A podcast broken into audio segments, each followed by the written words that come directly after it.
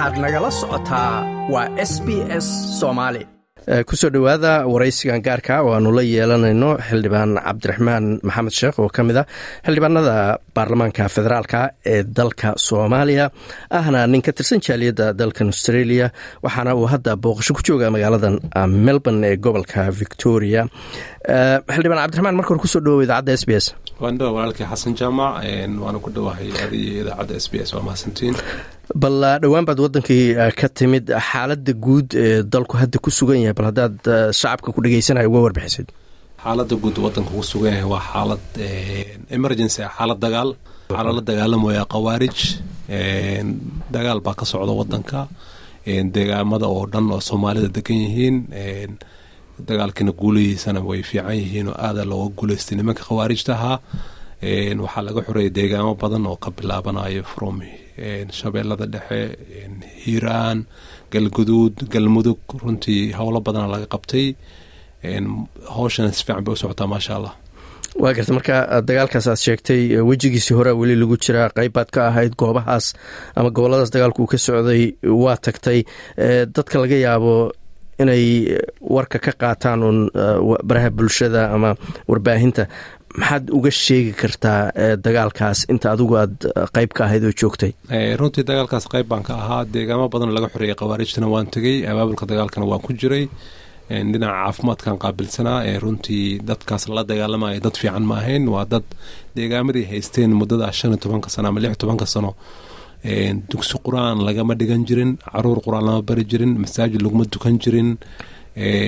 Meelihii la tegay waxaa loogu tegay condoms iyo cirbado daroogo iyo qamri iyo dad macnaha islaamnimo shaqo kula ma aha ummaddii aad bay u dhibaateeyeen xoolahay ka qaadan jireen dumarkay ka wadan jireen dadka dhib weyna ku qabeen waa garta marka magaalooyinkaas laga xoreeyo kale xildhibaane marka magaalada laga xoreeyo dowladdu maxaa qorshaa oo ay u samaysaa oo dadkaas u qabataa? Waxaan maqlnaa mararka qaarkood in goobihii lagu xoreeyey laga xoreeyey haddana dib ugu soo noqdaan. Marka maxaa loo qabtaa goobahaas?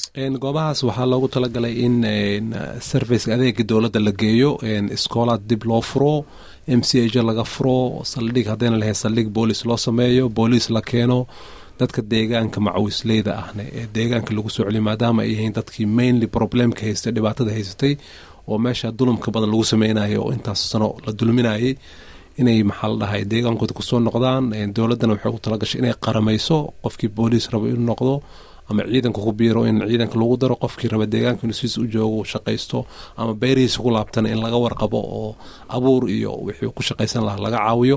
Marka dowladda barnaamijyo badan ay ugu talagashay inay u samayso marka dagaalkiina wuu socdaa insha allah waa garta wejigii koowaad oo dagaalkaa socda wejigii labaad baa loo gudbaya laakiin waxaa mararka qaarkood soo baxda dhaliilo dowladda loo jeedinayo oo rag siyaasiyiin oo la yaqaan ay u jeedinayaan oo ay leeyihiin matalan istaraatiijiyadda dagaalka lagu wada khaldan waxay tusaale uga dhigaan goobo ciidamadu joogeen oo qoladaasu ay soo weerartay. Marka maadaama dagaalkan aada u soo joogtay meelahana aada booqatay xildhibaan gobolka hirshabelle gaar ahaan laga soo doortana aad tahay.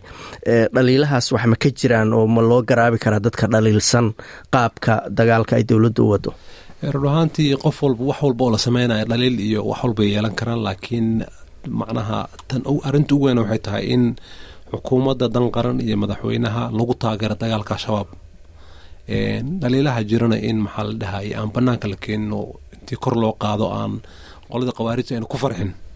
Laakiin dabcan dhaliilo way jiri karaan bikaas wax walboo la qabanayo waxbaa ka imaan karo. Run ahaantii waa jiraan deegaamo intii la galay la qabtay waqti badan ku baxay dad badan ku dhinteen laga soo baxay sababaha qaar waxay naqonayaan macnaha istraatiiji dagaal mar waxay naqonayaan hadallo maxaan lahay saraakiisha dhexdooda waxyaaba khilaaf ka jiro. Wax badan iska sababi kara laakiin mainly waxaa la rabaa in madaxweynaha iyo xukuumadda lagu taageero dagaal ka socdo qaladkooda sax loo arko saxoodana sax uu yahay oo garab lagu siiyo. Waa garta intaad adigu joogtay hadda ama aad ka warqabtid ma jiraan meelo aad isleedahay waa la hagaajin karaa ama waxyaala aad isleedahay si ka fiican baa la samayn karay runaanti hadda waxaa ugu dambeysay deegaamadii hadda cows weyne oo laga soo baxay runtii dhibaato weyna ka dhacday. Maxaa la dhahay waxaana sababi kara maybe macnaha dhinaca ciidanka oo kale ama saraakiisha.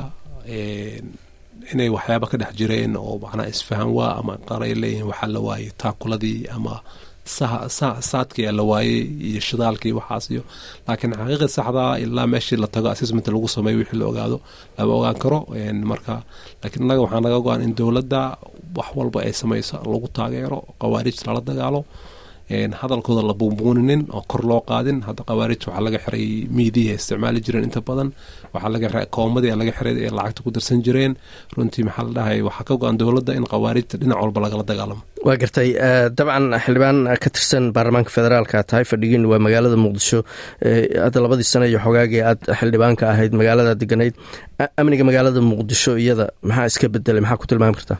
Runtii intii aan joogay wadanka magaalada muqdisho amnigeeda hadda iyo markii hore runtii wax iska bedelay ciidan waxaa jiro xasilinta oo loogu talagalay magaalada muqdisho amnigeeda inay sugaan ciidankaas oo ah saddex kun oo ciidan ah oo magaalada loogu talagalay waxaa jira ciidan kale oo ilaa kun iyo shan boqol oo magaalada daafaheeda meelaha laga soo galo ilaaliyo.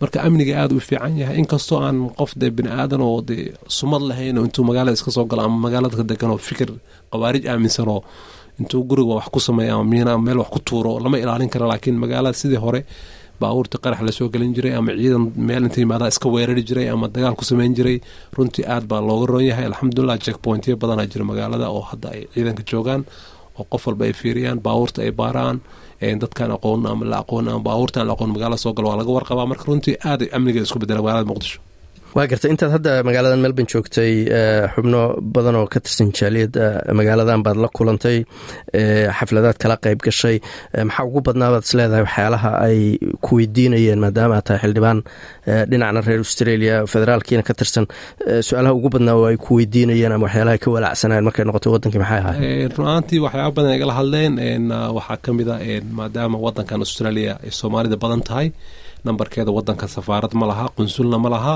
in maxaa la dhahay xukuumadda markaan u noqdo inaan kala hadlo arrintaas in wadankan soomaali badana ku nool australia new zealand in loo sameeya list meel ay macnaha dowladda kala xiriiri karaan waraaqaha u baahan yihiin ama dukumentiyada dadka waxyaaba badan u baahan karaan oo dowladnimada ay rabaan in laga caawiyo oo qunsul loo sameeyo taas way iga codsadeen.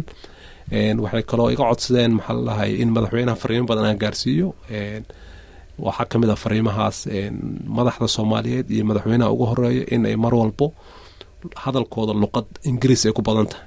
Inay af soomaaliga lagu hadlo oo maxaa la dhahay hadallada khudbada la jeedinayo iyo maxaa la dhahay baarlamaanka haddee tahay iyo xukuumaddaba in luqadda af soomaaliga lagu hadlo.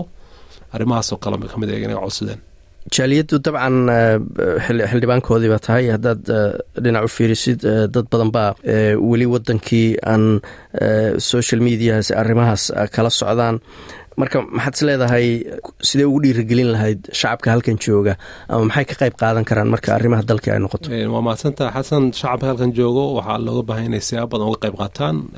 Dadka waxbartay aqoonta leh inay wadanka xirfadooda iyo aqoontooda ku soo celiyaan haddii xataa ayna tegi karin familo iyo duruufo jiraan halkan inay qof walba qofkii bartay accountin oo kale inuu wasaaradda maaliyadda oo kale la shaqeeyo wuxuu advice siin kara siiyo. Qofkii bartay waxbarasho inuu wasaaradda waxbarashada la shaqeeyo. Qofkii tabarucaad samayn karo qalab ama isbitaallo ama buugaag ama library u keeni karo u keeno. Qofkii ku caawin karo inuu hadda ciidanka howlgal ka socdo wax ku caawiyo qof walba wixii karaankiisa ama wuxuu yaqaan uu ku caawin karaa contributionka muhiim waaye dadka halkan jooga waa dad soomaaliyeed wadankooda u baahan inay dib ugu noqdaan wax ku celiyaan xaqu ku leeya wadankooda waa garta haddaan dib ugu noqono baarlamaanka haddaad ka tirsan tahay mararka qaarkood baarlamaanka laftiisa aad baa loo dhaliilaayo. Waxaa la dhihi jiray kan maaha xataa kuwii ka horreeyey markii ama mooshin jira ama dhibaato jirta unbay isu yimaadaan. Baarlamaan ahaan intii hadda aad jirteen maxaad is leedahay waxyaalihii ugu waaweynaa oo inii qabsoomay waayihiin baarlamaanka inta hadda ku jirnay oo xukuumaddan cusub runtii waxaa uga duwannaha baarlamaanadii hore kii tobanaad iyo kii sagaalaad. Shuruuc badan oo baarlamaanada ansixin waayeen oo la diiday baa kan lagu ansixiyay baarlamaanka koy tobnaad ilaa saddex toban shuruuc. Marka runtii dad badan oo dhalinyara oo qoonle ayaa ku jira baarlamaanka hadda maxaa la dhahay fahamkoodana wuu fiican yahay maasha allah. Ugu dambeynta marka shacabka magaaladan melbourne ama dalkan australia maxaad fariina uga tegi lahay waxaan shacabkan ka codsanayaa in madaxweynaha iyo xukuumadda dan qaran ay garab siiyaan oo wadankoodii wax ku celiyaan insha allah ay garab istaagaan dagaalka khawaarijta lagula jiro. Hiliya hoobay la garab istaagaan communitiga halkan joogto way badan yihiin. Waxaan ka codsanaynaa in dowladda ay garab siiyaan. Dowladda waxay hadda furi doontaa akoona lagu taakulayo ciidanka si loogu kariyo raashin iyo looga warqabo maadaama deegaamadii hadda labadii deegaan hirshabelle hiiraan iyo galmudug galguduud hadda laga soo baxayo dagaalka wejiga koowaad. Wejiga labaad wuxuu noqon doonaa koonfur galbeed iyo jubbaland in la tago. Dowladda waxay u garabkiina inaad ku caawisaan wax walba awoodaan insha allah. Waana codsigaas insha allah codsigaa idiin soo jeedina insha allah. Waxaan rabaa inaan mahad celiyo jaaliyadda australia magaalada melbourne. Runtii soo dhoweyn fiican bay ii sameeyeen. Laba xaflada magaalada ka dhacay. Gudoomiye xuseen harako gudoomiye faarax iyo akhyaarta kale ee magaalada joogto iyo odayaashoo dhan iyo dumarka iyo gabdhaha qof walba waxaan rabaa inaan mahad celiyo sida magaaladii ugu soo dhoweeyeen siday isugu xiran yihiin. Waa magaalo dadkooda midaysan yahay oo midnimada ka muuqato maasha allah allah u barakeeyo waxaan leeyahay. Waa mahadsantii mar labaad mar saddexaad kaasina wuxuu ahaa xildhibaan cabdiraxmaan maxamed sheekh oo ka tirsan baarlamaanka federaalka ee dalka soomaaliya like aas la wadaag wax ka dheh lana soco barta facebooka ee sb s soomaali